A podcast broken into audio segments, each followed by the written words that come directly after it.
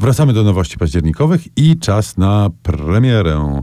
Autor po raz pierwszy w polszczyźnie z książką pod tytułem Frankenstein w Bagdadzie. Autor nazywa się Ahmed Saadawi, pisze w języku arabskim i prawdę mówiąc, myśmy o nim po raz pierwszy usłyszeli w kontekście Nagrody Bookera, bo on tam się spotkał z Olgą Tokarczuk, y, starli się, no ale Olga wówczas wyszła zwycięsko, to jak wiadomo nie po raz ostatni, haha.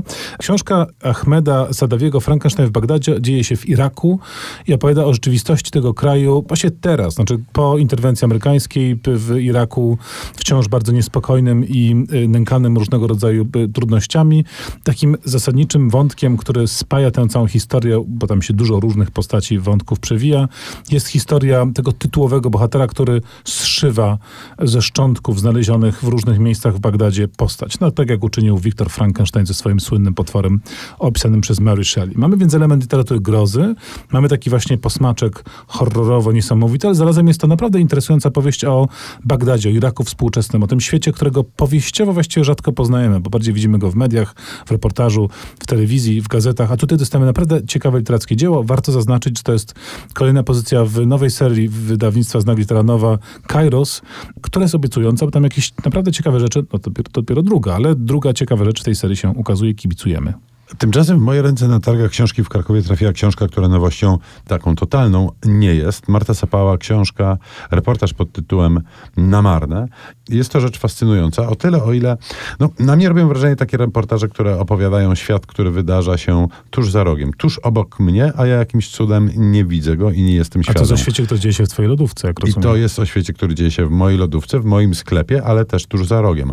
I w to twoim koszu na Książka generalnie o marnowaniu e, jedzenia, ale, co się z tym wiąże, o też nie marnowaniu go.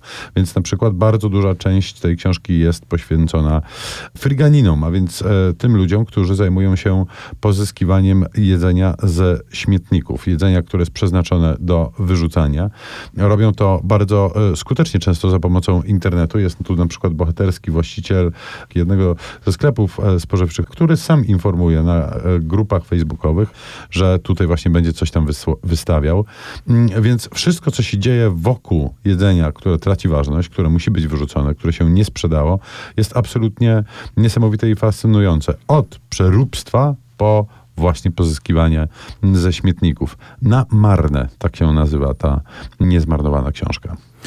Ostatnią nowością, którą dziś zaprezentujemy, jest nowa książka Javiera Serkasa pod tytułem Władca Cieni. Javier Serkas, znany już jest u nas całkiem znany. nieźle, tak, znany i lubiany.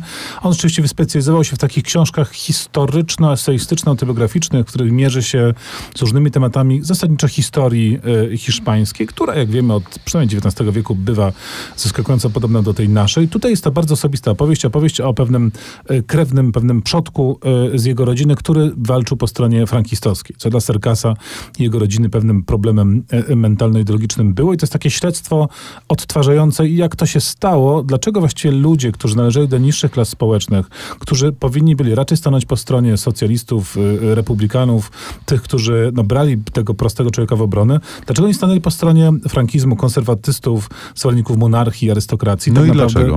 No, to jest, no może w sumie zdradzę puentę się o tym powiem. Tak naprawdę jest to taka refleksja o pewnym oszustwie, o pewnej manipulacji, która się dokonała, o tym, że często nasze decyzje polityczne, a tutaj tak dramatyczne jak udział w wojnie, wynikają z pewnego braku rozeznania. Dajemy się wpuszczać w, w kanał, dajemy się oszukać różnego rodzaju mediom, informacjom, ideologiom, więc jest to opowieść rodzinna, konkretna, ale zarazem szersza perspektywa pokazująca właśnie, jak czujnym być trzeba podejmując e, życiowe decyzje. Bardzo ciekawa, nieduża, intensywna książka. No dobrze, w takim razie bądźmy czujni.